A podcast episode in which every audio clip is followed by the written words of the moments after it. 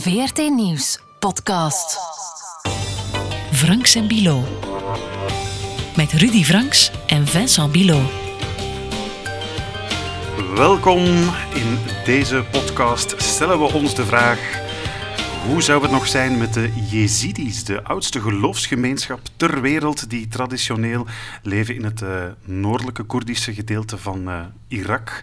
Ze waren zeven jaar geleden zo'n beetje het eerste mikpunt van IS, kunnen we eigenlijk wel zeggen, hè, toen, uh, toen die hun kalifaat begonnen uit te bouwen. Ze werden het slachtoffer van een genocide, zwermden uit over het hele Midden-Oosten, vandaag zelfs tot aan de Wit-Russische grens, waar ze door Lukashenko gebruikt worden als politieke pasmunt, als ik dat even zo mag verwoorden. Mm -hmm. Dus hoe gaat het vandaag met die inmiddels ongeveer 400.000 Jezidis? Heb ik, dat, heb ik dat juist zoveel zijn? De cijfers zijn ik, ja, dus onduidelijk. Tussen de 400 en de 700.000 natuurlijk. Dus zijn er wel wat gaan lopen al. Ja, wereldwijd zijn er ongeveer iets van een uh, miljoen tot anderhalf miljoen Jezidis. Het is niet helemaal duidelijk. En in het noorden van Irak woonden voor de genocide woonden er 600.000 Jezidis. Ja, dat ja. zijn er nu wel een stuk minder. En als je nu denkt, waar komt die stem plots vandaan? Wel, dat is dus uh, Brenda Stoter-Boskolo. Sorry. Goeie, goeiedag, uitgenodigd in uh, onze podcast. Want jij uh, reist vaak naar en maakt reportages over het Midden-Oosten. Hier bij ons onder meer in de Morgen en de Tijd, uh, denk ik, kunnen we jouw stukken lezen. Je bent onlangs nog met Bruno Struis van de Morgen naar Iraks Koerdistan gereisd. En je hebt een boek geschreven over de Jezidis. Het vergeten volk. Ja. Logische eerste vraag is dan natuurlijk, Brenda, waarom zijn de Jezidis het vergeten volk volgens jou? Nou, allereerst omdat ik denk dat uh, voor de genocide nog maar weinig mensen van de Jezidis hadden gehoord. En ik ook niet, moet ik toegeven. Nee, ja, dat, uh, dat krijg ik heel vaak te horen Rudy inderdaad. Wel, natuurlijk. ja. Het spijt me, ja.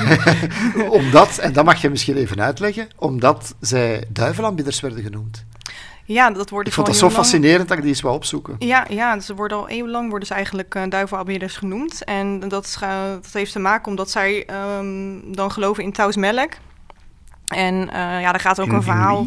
Een Tausmelk, dat is een pauwenengel. Ze geloven dus in zeven aartsengelen, waarvan er dan één een, uh, ja, een pauwenengel is. En uh, ja, hij schijnt ooit, um, zo gaat het verhaal dan, geweigerd te hebben om te knielen voor Adam, een mens. Ah. Want hij zei van, ik kniel niet voor een mens, ik kniel alleen voor God. En daardoor, uh, zeggen de Jezidis dus, is hij juist uh, in de gratie gekomen bij God. En is hij eigenlijk benoemd tot de leider van de aartsengelen. Maar deze engel die heeft dus wel overeenkomsten met Iblis in de Koran. En daardoor uh, ja, zien heel veel moslims dus de Jezidis als duivelaanbidders. Maar ook Ja, met, ja. met uh, Zoroaster, de Zoroaster-geloof in Iran en zo. Dus het is echt een, Ja, ja, ja, een het is een- mishmashje, hè? Nou ja, het is eigenlijk een heel erg, het is een heel bijzonder geloof, het Jezidisme. want het is al, het is echt duizenden jaren oud. En het stamt dus echt al van, uh, ja inderdaad, Ze dat, worden um, de zonaanbidders. genoemd zelfs. Ja, Ja, ja. en ze hebben heel veel verschillende elementen van andere geloven in zich. Dus bijvoorbeeld, ze geloven net als de Hindoes in reïncarnatie. Huh? Ze geloven dat je iedere keer opnieuw geboren wordt. Uh, ja, en hoe je geleefd hebt, dat, uh, dat, dat is nogal bepalend. Want stel dat je heel slecht bent geweest, dan kom je bijvoorbeeld terug als een rat. En, uh, maar de bedoeling is dus dat je zo goed mogelijk leeft... en dat je dus iedere keer weer beter terugkomt... net zolang totdat je perfect bent en naar de hemel gaat. Ik ben zelfs op audiëntie geweest, allez, zo van ver, bij Baba Sheikh, de Ja. paus van de Jezidi. Hè. Die, die in Vaticaan ben ik nog niet geraakt, maar Ah ja. in het Jezidi-heiligdom... In Lalesh. Ja, Ja, ja, in Lalesh. Ja, ja, ja. Dat is heel mooi.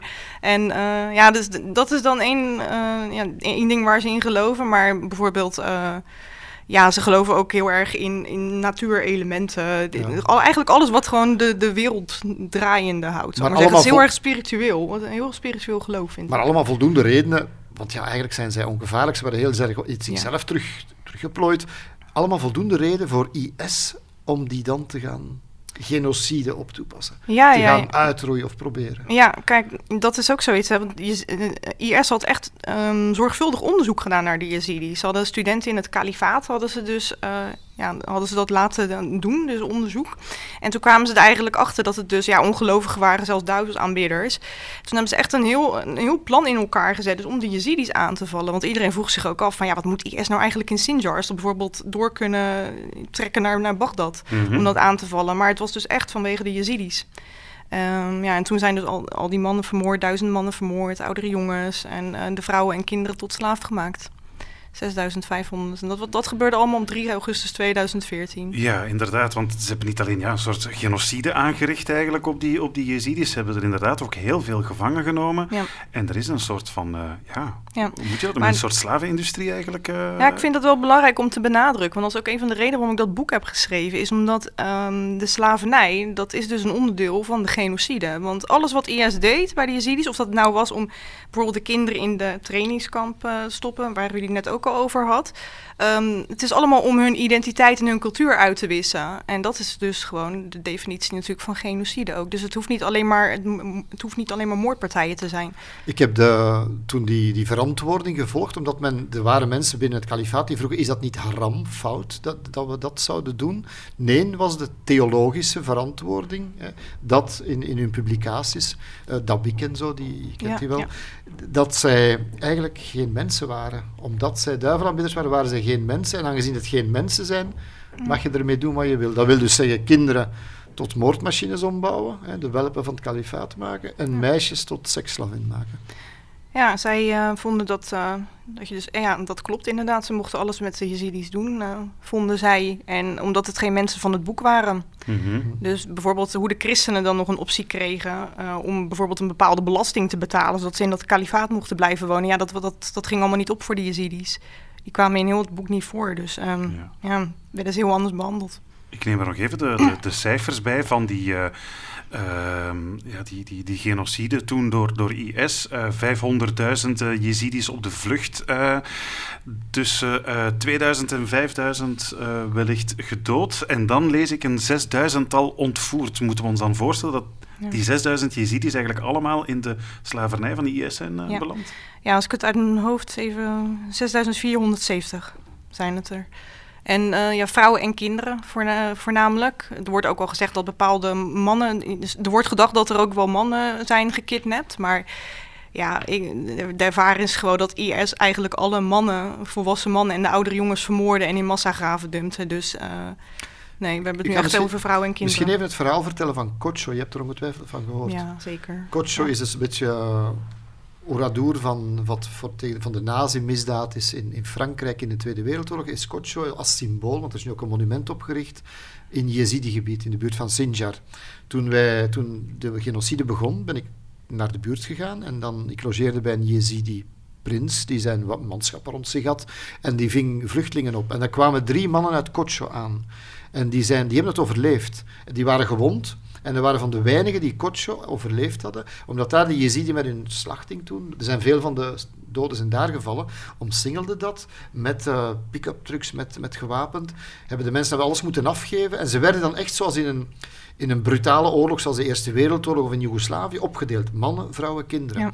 De mannen werden, en ze beschreven dat in detail, hè. de mannen werden in, met 15 naar de rand van het dorp gebracht, in groepjes van 15. En dan ging er een, een van die jihadis op een heuveltje staan en begon dat te filmen. Want daar zijn allemaal, alle bewijzen zijn verzameld ervan. Begon te filmen hoe die afgeslacht werden. En toen beseften ze, we worden allemaal gedood, die mannen. We hebben die beelden ook teruggevonden van diegene die vertelde van dat massagraf, omdat die op het internet, als je goed zoekt, te vinden zijn. De vrouwen werden meegepakt naar uh, Tel Afar en Mosul en werden daar dan als seksslavin aan de, ja, aan de emir van, van, allee, de, de, kapitein van een team van, uh, meegegeven of, of werden verkocht. En de kinderen die werden als welpen van het kalifaat naar van die trainingskampen gebracht om te leren mensen onthoofden en zo. En je vindt al die bewijzen terug op internet. Dat is gruwelijk. Ja. Ja, Kortjel staat uh, symbool voor de genocide, omdat daar echt ja. niemand aan of de slavernij of dan de moordpartijen is ontsnapt. In heel veel andere delen van Sinjar was het nog, zijn er ook nog wel mensen, bijvoorbeeld die wisten dan te ontsnappen. Uh, want dat systeem van de slavernij, dus dat, dat opdelen van vrouwen, kinderen en ook naar leeftijd, uh, dat, ja, dat gebeurde in principe overal. Maar in Kortjo is het juist zo schrijnend, omdat niemand daar weg wist te komen. Omdat ze twee ja. weken lang dus echt belegerd werden. Dus uh, ja, dat, uh, de jongen die op de cover van mijn boek staat, dat is Marsdal, die, zat, uh, die werd dan ook in naar zo'n kindertrainingskamp gestuurd. Ja, die komt ook uit Kortjo en die heeft dan een ja. soortgelijk verhaal. Dus zijn vader die wordt ook nog steeds vermist, waarschijnlijk vermoord. Mm -hmm. ja. We hebben zo'n een jongetje gevonden, Akram heet die, die ook ontsnapt was achteraf. Ah, je hebt die heb ik ook ontmoet, ja, ja, We hebben die toen gefilmd, jaren geleden.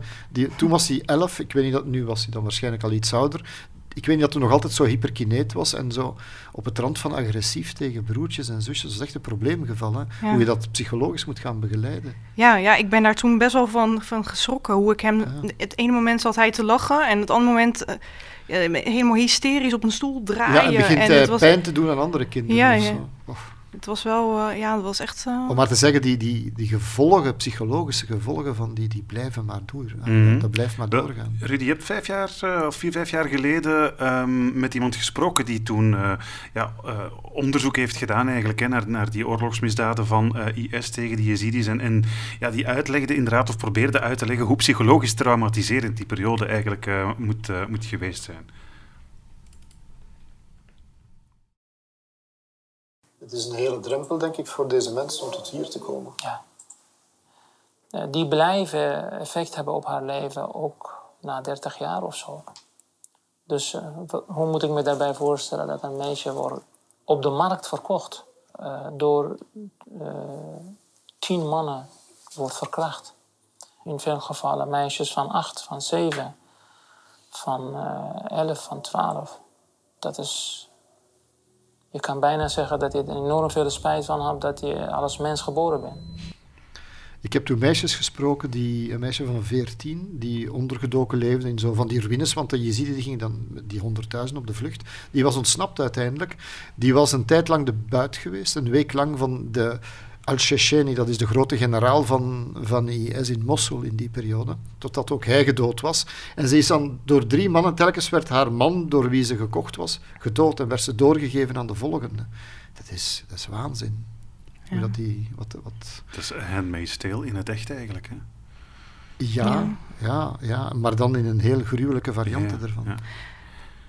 Ja. Ja, ik, eh, mijn boek staat er vol mee. Ik heb echt heel veel vrouwen gesproken, naast kinderen en zo. En je ziet ook wel dat er eh, onderling ook heel erg veel... Dat is ook nog zoiets. Als ik het heb over de genocide die dan goed voorbereid was... dan ook dat soort dingen waren goed voorbereid. Bijvoorbeeld in het begin verkocht IS alleen de jongste eh, vrouwen... en eh, die ook niet getrouwd waren en zo. Maar dat, de, slavernij deed het eigenlijk zo goed in het kalifaat... dat ze op een gegeven moment ook de oudere vrouwen... met, hun heel, met al hun kinderen bijvoorbeeld gingen verkopen... of weggeven in een, eh, ja, in een loterij. Dus dan moesten alle IS-strijders... die moesten dan gewoon een loodje trekken uit een, uit een kom... en dan die vrouw werd meegegeven. Ja, je, je hoort echt de meest verschrikkelijke verhalen. Ik heb, eh, ik heb een keer een meisje gesproken... die was echt van... eh, ja, die had zo'n lijst met echt tientallen namen. En ja, die werd gewoon aan de lopende band constant weer doorverkocht. Jarenlang. Dat, eh, ja. Ik heb een deserteur, een vrouwelijke deserteur, die bij de religieuze politie van IS geweest was en die daar ontvlucht, allee, gedeserteerd was. Die vertelde hoe zij in een soort van bordelen van IS kwam, waar zij, zij moest dan gaan controleren daar, waar dan de meisjes 10, 20, 30 keer op een dag werden, werden Ja. verkracht. Dat is, Ja. Ja, dat, dat had je ook. Ja, er waren ook bordelen. Dus na- naast de normale sla- slavenmarkten ook dit soort huizen inderdaad. Of gewoon bijvoorbeeld een vrouw die dan eh, met al haar kinderen gewoon verkocht werd aan een man. Die dan een soort van, ja, eigenlijk een heel gezin in één keer kocht. En een heel huiselijk leven daarmee ging leiden. Ja, het blijft natuurlijk het, nog steeds slavernij en verkrachting en zo. Maar er zaten echt nog wel ook verschillen tussen. Tussen hoe iemand dan... eh, ja, het, het lag er denk ik ook aan hoe oud iemand was. En eh, waar iemand terecht kwam. En tegelijk heb ik ook sterke vrouwen gezien, want we zijn toen bij toen Raqqa belegerd werd, de hoofdstad van het kalifaat. Eh, je moet, er zijn veel vrouwen van, vermist gebleven en veel van die meisjes die, ver- ik weet niet hoeveel, je kent de cijfers misschien. Ja, er zijn tot op de dag van vandaag nog iets van 2800 Yazidis vermist. Wel, ik heb, een paar mag je zeker zijn, of honderden zijn gedood en begraven op de Mosuldam, toen dat Mosul heroverd werd op, eh, op IS. Kwamen we in villas waar een paar dode strijders lagen. Maar op een bepaald moment zag je daar heuveltjes, zo grond, waar ik dan op overliep en dan zeiden de... Zeiden de, de, die Peshmerga-strijders, ja, hier liggen een paar vrouwen begraven, omdat eh, als die, die strijders zich vertrokken en die vrouwen niet wilden meepakken, de, die Yazidi-meisjes die hun slavinnen waren, hebben ze die gewoon afgemaakt en in de grond gestoken. Zo zullen er wel verschillende verdwenen zijn. En in de buurt van Raqqa zijn we zo'n paar dagen opgetrokken met een Jezidi-vrouwelijke eenheid, die onderdeel van de Koerdische strijdkrachten daar, zo, je hebt ze misschien Ja. ook ontmoet, die daar zelf... En dan vraag je, wat komen jullie hier doen aan het front in hemelsnaam? wij gaan de hele oorlog lang zoeken naar onze zusters, zeiden ze. We gaan blijven zoeken en misschien vinden we die bordelen wel. Misschien vinden we nog overlevenden. Ja. Ja. Intussen is eh, IS militair verslagen. Enfin, het, het kalifaat is eh, opgehouden te bestaan. Ehm, je sprak net over hoeveel Jezidis die nog vermist worden. Ja, nog iets van, dan heb ik het over de vrouwen en de kinderen. Dus Ja. een 2800 ongeveer. En ehm, ja, er wordt gedacht dat een groot deel, dat, eh, ja, dat die nog worden vastgehouden natuurlijk door, door IS-strijders. Maar ook Ja, bijvoorbeeld die- in het El Hol-kamp. hè, In dus dat kamp in, Noord, in het noordoosten van Syrië, waar alle buitenlandse strijders en hun vrouwen zitten. Ja. Eh, dus er zijn ook echt speciale Jezidische of Koerdische ehm, ja, reddingsteams die dan actief op zoek gaan naar die vrouwen in dat El Hol-kamp dus, naar Jezidi vrouwen. Want of ze durven niet te ontsnappen, of ze worden echt nog bedreigd door de IS-vrouwen daar zo. Of ze lijden aan het Stockholm-syndroom, dat hoor je ook wel vaak. Dat ze bijvoorbeeld kinderen hebben van IS-strijders en dat ze daarom niet terug durven te keren naar, eh, ja, of zichzelf durven aan te geven, want die worden niet Dat geaccepteerd. is inderdaad een belangrijk thema. Dat is namelijk wat er met die, die meisjes die dan verkracht zijn, die dan kinderen gekregen hebben. Ehm, Baba Sheikh heeft op een bepaald moment verklaard dat het een taak, dat het de plicht was dat die meisjes terug zouden opgenomen worden. Want ja, anders was daar een stigma over, dat ze eigenlijk verder zouden opgenomen worden in de, in de eigen de gemeenschap terug. Ja, dus Ja. dat ze niet zouden, dat ze terug een toekomst moesten hebben. Ja. Alleen het probleem is vaak die kinderen. Die Ja. wilden ze dan niet opnemen. Ik heb een weeshuis in, in Mosul geweest, op bezoek geweest, waar degenen die mensen opvingen zeiden, ja, wij hebben zelfs kinderen hier, vermoedelijk Jezidi-kinderen, die op de vuilnisbelt achtergelaten waren tussen de honden, omdat ze die kwijt wilden, omdat ze die weg wilden. Dus ja, je weet niet waar het allemaal nog zit en de rest. Hè. Nee, nee, maar hebben, hebben daar een, of heb jij daar een beetje zicht op? Behalve dus degene die in, dat, eh, in, in Al-Hol zitten. Mm, hoeveel vrouwen er ongeveer kinderen hebben van IS-strijders? Nee, gewoon hoe, hoeveel, eh, waar, waar, waar die mensen zich zouden kunnen Ja, bevinden. nou, zijn, zijn er nog ja. IS-strijders die, die echt nog... Ja, die, ja, ook in het, ja, bijvoorbeeld, eh, je hoort ook wel eens dat er eh, gedacht wordt dat uh, die vrouwen nu, op, nu in eh, Idlib bijvoorbeeld zitten. Dat IS-strijders ze Syrië, daar ja. mee naartoe hebben genomen. Eh, Dat is een deel van Syrië oh ja. nog altijd onder Ja. controle Ja. is van de rebellen. Ja, Ehm, maar ook in dorpen, dat ze zich schuilhouden in dorpen. Gewoon in Irak of in, eh, of in Syrië of bijvoorbeeld in Turkije. Heel veel IS-strijders zijn natuurlijk naar I- Turkije ge- ge- gevlucht en daar ondergedoken. Ja, af en toe dan hoor je dat er een, weer een kind opduikt ergens in Turkije. Maar het is heel lastig, want kijk, het is nu al zeven jaar geleden dat de genocide begon. Mhm. Eh, dus heel veel van deze kinderen die zullen geen herinnering meer aan, en hebben aan vroeger, aan hoe ja, aan, aan hun Jezidi zijn. Mhm. Dus hoe kom je daarachter dat, eh, dat een kind, een weeskind bijvoorbeeld, dat het een Jezidi is? Ja, Mhm. dat is. eh, dat is, dat, dat is het lastige. Dus er zijn wel heel veel hulporganisaties die oproepen om al die weeskinderen dan, ja, om daar DNA-materiaal van af te nemen en, en ze te testen. Ja. En dat te vergelijken met bijvoorbeeld eh, gewoon DNA van Jezidis waarvan nog familieleden worden gemist. Maar ja, de, de regering daar, die gaat er maar niet mee aan de slag. En dat is natuurlijk heel vervelend. Want ja, heel veel mensen zijn nog steeds op zoek naar hun familieleden en naar hun kinderen die ze ooit eh, kwijt Ja. zijn Ja, geraakt. maar ze, ze zijn ook verdreven. Eigenlijk is de hele gemeenschap ontwricht. Hè. Ze zijn weg uit Ja. Sinjar, dus het, het kerngebied waar ze vandaan kwamen. Ja, Wat, ja. mij, wat ik mij afvraag, wat mij altijd begeesterd heeft, is, is justice en, redemption. Gaan ze rechtvaardigheid krijgen? Ik heb zoveel mensen toen gezien van die meisjes die de bewijzen inzamelden van wie de schuldigen waren van die verkrachtingen. Die, die man, die onderzoeker daarin, eh, dat we net iets- iets van hoorden, die verzamelde alle bewijzen online en getuigenissen Ja. in de hoop dat er ooit rechtszaken zouden komen. Ja.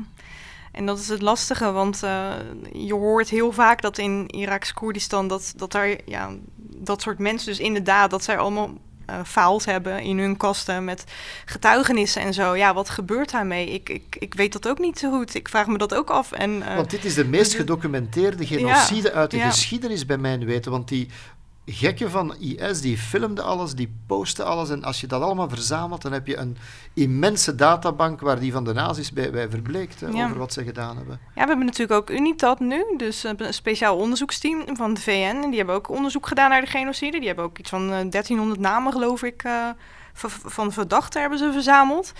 Maar het, het komt gewoon niet ja, van de grond, zou ik maar zeggen. Ik, ik denk dat heel veel Jezidis die hadden gehoopt op een tribunaal. Nou ja, dat lag natuurlijk moeilijk om verschillende redenen. Want bijvoorbeeld als je een tribunaal in samenwerking met Irak zou doen... Nou ja, zij wilden niet van de doodstraf afstappen, dus... ehm, Dat ging dan alweer niet door. Nou, de VN wilde het niet eens. Uh, nee, het internationaal strafhof wilde niet eens een onderzoek uh, openen. Waarom niet?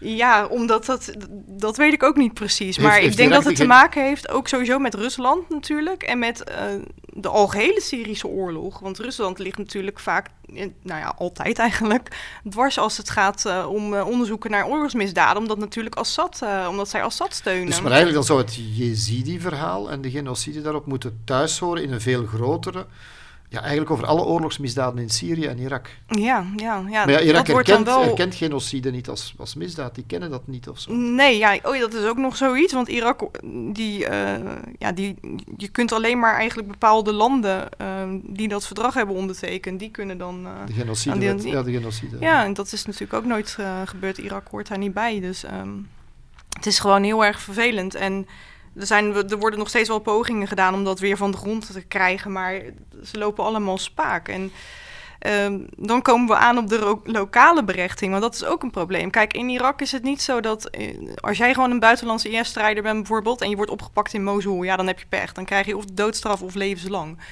Maar je krijgt het niet voor genocide of voor slavernij. Nee, het is echt alleen voor lidmaatschap van een terroristische organisatie.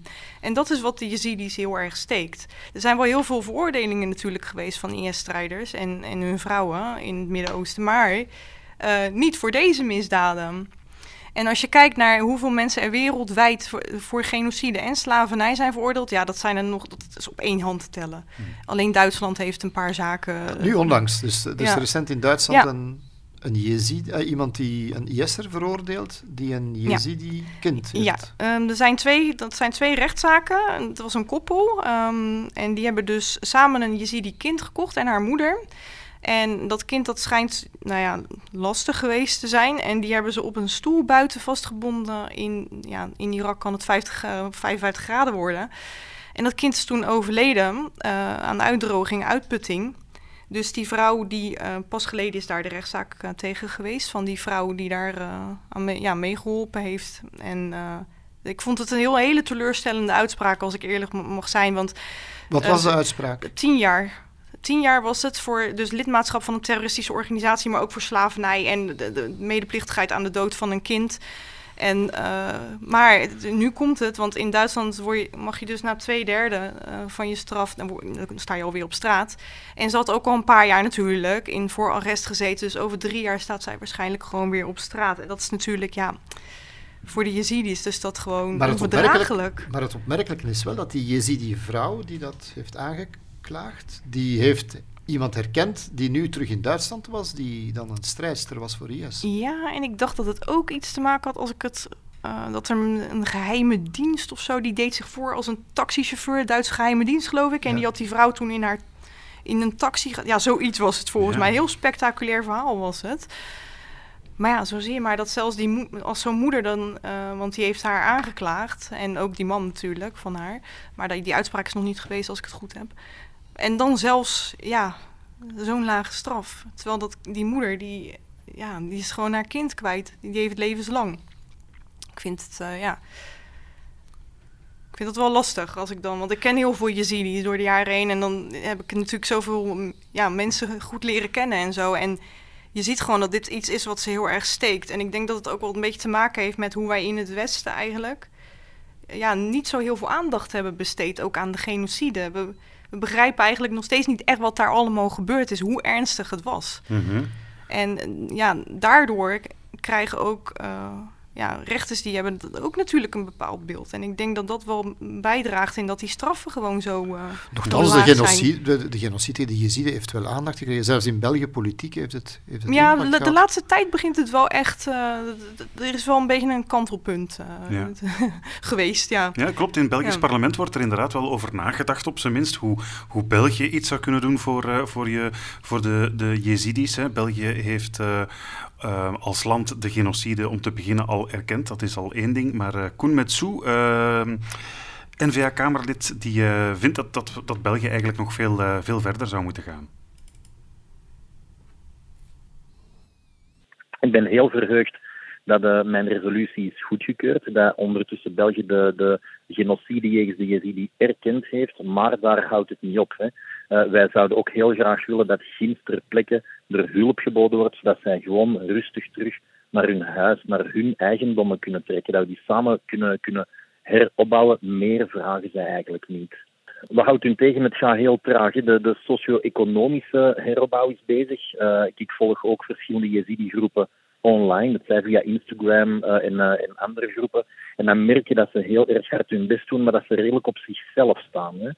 Natuurlijk, alles werd afgebroken. Hun scholen werden met de grond gelijk gemaakt. Hun winkels bestaan niet meer. Dus zij zijn bezig met hun erg beperkte middelen uh, om ja, eigenlijk een, een soort wederopbouw van hun Jezidi-community te doen aan Lalish, eigenlijk op hun heilige plek. Uh, maar zij kunnen daar hulp bij gebruiken. Hulp van ons, hulp van de rest van, uh, van de wereld. Ik vind dat wij dat schuldig zijn. Wij zijn hen dat schuldig. Brenda Stoter, Postcolo. Ja, ik ben het daar wel mee eens. Want er zijn natuurlijk zoveel buitenlandse strijders die zijn naar Irak en Syrië gegaan. En die hebben dus zich aangesloten bij IS. En hierdoor mede mogelijk, ja, de genocide mede mogelijk Het is iets gemaakt. waar jij Dus specifiek ook onderzoek naar hebt, naar hebt Ja. gedaan, eigenlijk, naar, Ja. naar het aandeel van Belgische Syrië-strijders in, dat, eh, in die, eh, die ehm, genocide op de Jezidis. Ja, ik heb dat samen met Bruno Struis van de Morgen Ja. gedaan. Wij eh, hebben een keer samen om de tafel gezeten. En, eh, toen kwamen we erachter dat we dat allebei heel graag wilden onderzoeken. Ehm, ook de betrokkenheid van Nederlanders trouwens. Maar op een gegeven moment... eh, ja, het is heel lastig om zoiets te onderzoeken. Dus we hebben de Nederlanders toen een beetje gelaten eigenlijk. En zijn we alleen op de Bel- Belgen doorgegaan. Omdat we veel meer concrete eh, ja, aanleidingen hadden, aanwijzingen hadden. Mhm. En zo zie je maar dat als je maar genoeg mensen spreekt en eh, kijk, in Irak is alles lastig, dat moet ik alvast zeggen. Eh, je, je trekt gewoon van, een, van de een naar de ander in principe. Dus die zegt weer van ja, ik heb misschien iets gehoord, misschien moet je daar even heen gaan. En zo ga je eigenlijk ja, heel dat gebied door. En dan spreek je steeds meer mensen. Maar je ziet ook dat het wel loont. Want Het dan is kom je het dus werk, inderdaad het bij werk van mensen. een onderzoekscommissie dat je doet dan, hè? In principe wel. Ik heb me ook heel vaak, moet ik heel eerlijk zeggen, een beetje een regisseur gevoeld. De, de, de- Ook tijdens het schrijven van mijn boek. Eh, maar ja, en dan vraag ik me af, als ik dat al kan, en eh, samen met Bruno, wat, wat zouden we dan allemaal niet gewoon. Ja, maar als overheden ja, maar dat als journalist kan je naar Ginder reizen. En een, een, een onderzoekscommissie moet dan eigenlijk al bijna een soort van mandaat krijgen. Moet je officieel toegelaten worden door het land. Dat is allemaal niet evident. Want je ziet, die zijn nog altijd een beetje de speelbal tussen Ja, Koerden en, waar, en ja. Iraakse Ja. autoriteiten. Ja, ja. Ik heb ook heel vaak het idee gehad dat de autoriteiten daar gewoon dwars liggen. Want eh, ik hoor al jaren dus inderdaad over al die kasten met al die dossiers erin en zo. En dan vraag ik me dus af wat daarmee gebeurt. Ja, ik heb Want ze gezien, ze zijn er, niet- die ja, kasten. Ja, Ja, ik, ja en eh, volgens mij eh, heeft u uh, Hoesijn eh, Ja. toen gesproken. Ja, ja die, hij werkt ook voor zo'n kantoor. Maar dan vraag ik me dus wel af. Kijk, ik weet zeker dat zowel Nederland als België... dat ze gewoon daar dan contact mee opnemen. Dat weet ik zeker. Dat is gewoon hun, ja, hun werk, werk van, de, van, van de recherche dan bij ons. Mhm. Maar ja, wat gebeurt daar dan vervolgens mee? Het is voor mij ook allemaal heel erg onduidelijk. Nu, in België is er, wordt er wel, door het parket worden een aantal dingen onderzocht. Wel, hè. Er zijn een aantal Ja. cases die ze geopend hebben. Ja, ik had eh, begrepen dat er zes eh, cases eh, liggen al. Dus, Waaronder één vrouw, blijkbaar ook. Die ze, die ze, ja, dat kan hebben. wel. Dat Ja. moet ik even weer bekijken. Maar ik, ik, en ze zouden dan aan de slag gaan met een nieuwe van, ja, van onze onderzoeksresultaten eigenlijk. Dus, dus, er ze zijn dus er hoop, wel. ja. Ja. In Nederland hoop, ja. heb ik het idee dat dat eh, heel anders ligt Hm. op dit moment. En dat is ook weer de reden, denk ik, dat ze heel vaak eh, ja, alleen maar veroordeeld worden.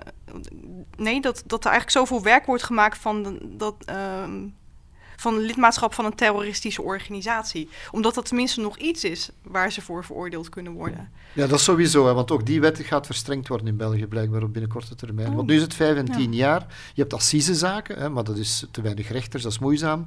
Je hebt ofwel dan correctioneel, maar dan kunnen ze maar vijf jaar krijgen voor lidmaatschap. Maar nu gaat er een soort van tussenoplossing zijn, lidmaatschap en ook meegedaan aan beslissingen van, waardoor ze dubbel zo lang zouden kunnen veroordeeld worden. Dus men Ja, zoekt ja. wel naar manieren om... Ja. om Ja. Het is alleen een beetje te laat, vind ik altijd. Ja, kijk, ik weet natuurlijk meer over, over mijn eigen land, over Nederland. Maar ik, ik heb het idee dat ze daar gewoon al die tijd gedacht hebben van... nou ja, ze gaan toch wel dood daar ergens in Syrië of in Irak. Dus laat het maar. Terwijl je ziet nu gewoon dat daar... ja, nu zie je de problemen. Want ze zijn heel veel mensen, de meeste zijn gewoon niet uh, dood gegaan. En die zitten nu ergens in een kamp. En ja, wat hebben ze precies gedaan? Ja, we weten het niet. Dus los van de gerechtigheid moeten we vooral zorgen dat er veel psychologische hulp en assistentie komt. Oh, dat sowieso. Voor de Yazidis, ja, zeker weten. Ik heb vrouwen daar zien liggen, die, dan zijn ze jarenlang zijn ze dus verkracht. En uh, verkocht door IS. En dan komen ze terug en dan belanden ze in een tentje. En dan liggen ze daar in, de hoekje, in een hoek van de tent. En ja, zonder perspectief, zonder geld, helemaal niets. Uh, dat is gewoon verschrikkelijk. En sowieso, die hele gemeenschap, dat um, is nog steeds ontheemd. Er wonen tot op de dag van vandaag nog iets van 2000, nee, 250.000 Yazidis in ontheemde kampen. Dan heb ik het over de officiële kampen. Want er zijn ook heel veel onofficiële kampen en krotten waar Yazidis in wonen. Dus in de jaren hebben ze natuurlijk die tenten, hebben ze dan bijvoorbeeld een beetje hebben ze een aanbouw erbij gemaakt met een of andere ja, met, met, met uh, ja, stenen muren en dergelijke. Maar het blijft nog steeds gewoon een tent, een krot waar je niet in thuis hoort. Het is nog steeds een vluchtelingenkamp. En uh, ja, ik vind dat daar wel gewoon zo weinig aandacht voor is. Want al die slachtoffers, die belanden dus in diezelfde kampen. Bij wat er van hun familieleden is overgebleven. Ja, maar je moet begrijpen, het is geen excuus natuurlijk. Je hebt miljoenen mensen die op de vlucht die in Libanon zitten. Je hebt miljoenen in Turkije. Je hebt heel, heel die regio is verscheurd geweest door al die oorlogen daar. Dat is wel zo. Alleen ik We hebben het over tot 10 miljoen mensen die daar op de vlucht zijn overal. Ja, ja, ja, ja. Ik vind alleen wel zeven jaar in tentjes. Ja, ik, ik denk de, ik denk dat er wel meer diplomatieke druk uitgeoefend moet worden op zowel de Irakese als de Koerdische overheid om ervoor te zorgen dat mensen gewoon weer terug kunnen naar Sinjar. En uh, dat gebeurt denk ik niet. Want nee. ik, ik, vraag me ook af of het wel zin heeft hoor. Dus je kan want, er niet uh, door. Hè? Je hebt nu de, ja. de Iraakse autoriteiten betwisten dat bij de tegen de Koerden enzovoort. Ja. Dus, ja, ja, ja. kijk, Sinjar ligt natuurlijk in betwist gebied. Dus en waarom? Nooit, Zit daar iets in de grond dat de moeite is? Uh, ja, nou ja, het, is, het ligt sowieso heel erg strategisch um, ten opzichte van Syrië en dergelijke. En ja, het heeft ook weer met olie te maken. Er wordt gedacht dat hele grote oliereserves ook in de grond. voilà. Dus dat, ja, dat verklaart alweer alles. Dus toen die genocide uh, plaatsvond, dan, uh, ja, toen. De, ik, ja, dit, is, dit, is ook alweer even een, uh, een, een, misschien een ingewikkeld verhaal, maar in het kort, Sinjar ligt dus in betwist gebied en het referendum dat gehouden moest worden om te bepalen tot wie het behoort, of dat nou de Irakese of de Koerdische regering is, dat werd dus nooit gehouden. En hierdoor zijn Yazidis dus altijd een beetje heen en weer geslingerd tussen verschillende partijen. En na, uh, de, nadat Saddam Hussein was verdreven, kwam het in de handen van de Koerdische overheid, van een bepaalde partij van de Koerdische overheid. Mm -hmm. En zij waren dus verantwoordelijk voor de veiligheid daar zo in Sinjar. En uh, het schrijnende is dat zij, voordat uh, IS aanviel, zijn zij teruggetrokken. En dus al de troepen, waarschijnlijk waren dat ja, van 10.000 man of zo, die zijn toen weggegaan. En hierdoor... De Koerden hebben er hun handen afgetrokken eigenlijk. Ja, en er wordt dus gedacht dat dat te maken heeft ook met omdat IS aan het oprukken was naar Erbil. Ja, dat zou natuurlijk een grote ramp zijn en zo. Maar het blijft natuurlijk wel vreemd dat, dat, niet, dat de Yazidis niet gewaarschuwd zijn. Want de Yazidis werden de volgende ochtend wakker. En toen stond IS bij wijze van spreken in hun achtertuin. En uh, hierdoor was het, ja, heeft het dus ook allemaal kunnen plaatsvinden. Nu was een periode van immense paniek. Ik bedoel, iedereen stond ja. op de vlucht daar. Er zijn hele Iraakse legereenheden die Mosul ontvlucht zijn. Hè. Ik bedoel, dat, is, ja. dat gaat over 70.000 mensen en zo. Dus, ja, dat ook nog. Ja. Dus in, in dat opzicht was, was heel die regio werd overspoeld. Hè. Mm -hmm. En dat is natuurlijk een... Ja, de Yazidi hebben daar mede rekening voor betaald. Hè. Nu, er is ook positief nieuws. Hè. Er is, ze hebben een heel grote voorvechter, hè de ja. Yazidi. Amal, mevrouw George, oh ja, Clooney, mevrouw, ja. mevrouw George Clooney ja, is, uh, probeert overal ter wereld dan die rechtszaken te steunen. En zij is dus ook degene geweest die al die tijd het geprobeerd heeft bij het internationaal strafhof. Dat, uh, ja, ik weet het. Samen met Jasda en Nadia Haar zou ik graag willen spreken, ja. ja. Ja, dat lijkt me ook heel interessant. Ik zou het proberen. Doet ze vast wel. en, en plots ben je een beetje aan het blozen, Rudy. Ja, ja, ja. Het lot van de Jezidis, uh, Brenda Stoter-Boskolo, het uh, laat jou niet los en jij laat het ook niet los, heb ik de indruk. Nee, nee, ik, ik kan het ook niet loslaten, want ik zit, ik zit er ook zo diep in inmiddels. Ik heb zoveel Jezidische vrienden, niet alleen in Irak, maar ook gewoon in Nederland, in Amerika, noem maar op. En uh, ja, dus je, je wordt eigenlijk dagelijks wel weer geconfronteerd met, met, eh, ja, met, met wat er gaande is daar zo. Al is het alleen maar dat als ik een gesprek heb met een Yazidi bijvoorbeeld in Nederland, binnen vijf minuten gaat het over de genocide. Het is echt wel een getraumatiseerde gemeenschap. En dan heb ik het niet alleen over de gemeenschap in Irak, maar gewoon wereldwijd. Mhm. Het heeft iedereen zo erg geraakt. Maar dat heeft. Er is ook niet echt een. Ja, er is geen vooruitzicht. Het, eh, ja, wat, waar we het net al over hadden, over berechting. Dat gaat helemaal niet goed. Nou ja, mensen wonen nog steeds in de kampen, kunnen nog steeds niet terug naar Sinjar. Dus dat blijft ook wel even zo doorgaan. Ja. Tot op de dag, er zijn nu inmiddels ook al iets van 100.000 Yazidis, heb ik begrepen, uit eh, het noorden van Irak vertrokken. Dus die zijn gewoon naar Europa gegaan. Of die worden nu gebruikt als, als, eh, als vee tussen, eh, aan de grens van Polen, hè, door Ja. Rusland. Zijn er ook, Ja. Ook dat nog. ja. ook dat nog. Ja. Meer Goed, ja. over de Jezidis eh, kunnen, we, kunnen we lezen in eh, jouw recente artikelenreeks eh, op demorgen.be. Valt dat nog altijd te lezen. En in jouw boek natuurlijk, Het eh, Vergeten Volk. Brenda Stoter-Boskolo, heel erg bedankt om naar onze podcast te komen. Ja, bedankt. Franks en Bilo. Rudy, achter die, eh, die kogelvrije vest van de oorlogsreporter en conflictjournalist gaat toch een, een soort melige duts met een peperkoeken hartje schuil. Want, Rudy, jij wou graag nog een, eh, een lans breken, eh, onder de aandacht brengen. Deze ja, Koerdische zangeres, hè, we zijn- we zijn, je bent het niet ver gaan zoeken, we komen net uit, Ah, ja, uit tuurlijk. Iraks Koerdistan. Of, of, Ja. En, en dus je wou deze zangeres eigenlijk wereldkundig maken aan onze luisteraars. Laten we eens luisteren.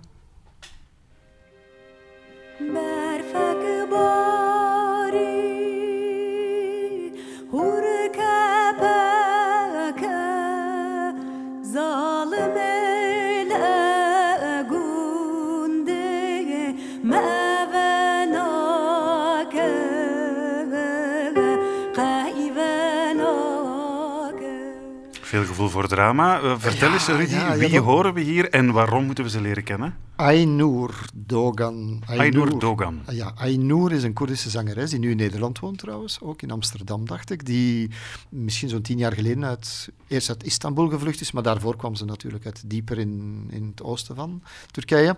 Ze staat een beetje symbool voor, voor eh, ja, het proberen te bewaren van de Koerdische cultuur, de Alevi-cultuur ook. En ze heeft ook veel tegenkanting gehad in het begin in, in Turkije als ze daar optrad. Omdat ze op een bepaald moment zong ze in het Koerdisch, wat dan uit een boze was. Dat mag niet Dat zeker, mag dan ja. niet. Of dat Ja. werd dan door heel extreem nationalistische Turken in het publiek, werd ze dan verjaagd, bij manier van spreken. Ja, Ze is blijkbaar ook echt een paar keer letterlijk, heb ik gelezen, van het podium gejouwd. Hè? Ja. Dus dat is eh, wel. Dus eigenlijk st- staat dat een beetje ook voor hoe heel die regio verscheurd is. Zo. Maar ja, dat melancholische. Ik ben er een beetje vatbaar voor. Hè. Ik, ik, luister dan, ik zou er dan naar luisteren op mijn, eh, hè, op mijn een iPad. En dan, als ik dan door de bergen van Koerdistan trek, dan is dat een perfect gezelschap. Hè. Maar ik, ook als je hier in een grijze, grijze winternamiddag zit. Om een beetje te laten begrijpen hoe, hoe het gaat. En wat het mooie is, ze zegt nu zelf dat ze momenteel ook al behoorlijk wat Turkse luisteraars en volgelingen heeft die haar muziek appreciëren. Dus ja, want- muziek, is- muziek ver- verzacht de zeden en zorgt misschien toch wel voor iets gemeenschappelijks tussen aardsvijanden. Want ze is nogthans aangeklaagd voor, dacht ik, het, propageren van eh, Koerdisch separatisme. Hè? Ja, ja, tuurlijk. Maar dat, dat, dat werd je snel hè, in Turkije. Als je, als je Koerdisch muziek maakte of zo, dan blijkbaar was het dan al zover. Oké. Ze zingt dus hoofdzakelijk in het Koerdisch. Ja. En weet je ook waarover? Waar, waarover gaan haar nummers? Gaan, zijn dat politieke pamfletten op muziek nee, gezet? nee, of- dat zijn geen politieke pamfletten, maar als je dat hoort, dat je- waar zingen die mensen altijd over? Over rozen en de liefde en, en het verlies van het vaderland zeker. Maar ja, dat is al een beetje politiek gelaten. Maar ik zal eerlijk bekennen, Vincent, ik versta er niks van. Maar toch een melige duts dus. Ja.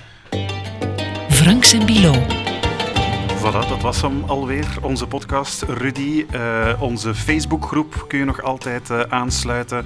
Eh, je mening is daar welkom over onze show. eh, meepraten over de actualiteit. Hè. Dus vooral ook eh, onderwerpen eh, voorstellen die we dan misschien wel behandelen in onze podcast. Ja, want we zijn nu twee keer per maand zeker, om de twee weken gaan we het Ja, ja, zeg het nog eens, Rudy. hè. Ja, ja, ja. Goede onderwerpen, stevige commentaar. Voilà, interessante gasten. Ehm, ja, maar we filmen onze podcast ook, dus als je ons graag ziet. Oh. Ja, Leg maar ja, voilà. papa. Daar heb ik geen rekening mee gehouden. Och, dat, dat, dat, dat gaat best hoor. Als je hem goed vindt, de podcast, dan kan je hem altijd een review geven in je podcast-app. hè. Dat helpt dan bevriende eh, mensen om, eh, om onze podcast, om Franks en Bilo ook te ontdekken. Hè. Als je opmerkingen hebt of verbeteringen, je vindt ons via vb.vrt.be. En dan moeten we vooral onze gasten nog bedanken natuurlijk. eh, Brenda Stoter, Boskolo, helemaal uit Rotterdam, eh, van deur tot deur, vier uur erover gedaan om tot bij ons te rijden. Ja, maar dat kwam ook wel omdat ik een aansluiting had gemist hoor. Dat moet wel eerlijk zijn. Oké, maar toch heel erg bedankt om al die moeite te doen voor, eh, voor, voor bescheiden Rudy en mezelf.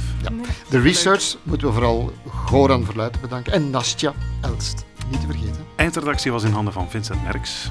En de presentatie, ja, dat waren wij zeker. Hè. Franks, En Bilo. bedankt voor het luisteren en tot volgende keer. Ciao. Over twee weken al. Ja. Maar we gaan al moeten beginnen terugwerken voor de volgende. Ja, Vincent. Zijn we niet gewoon, hè? Dit was een podcast van VRT Nieuws. Je vindt er meer op de podcastpagina van vrtnieuws.be of via de podcast-app op je smartphone.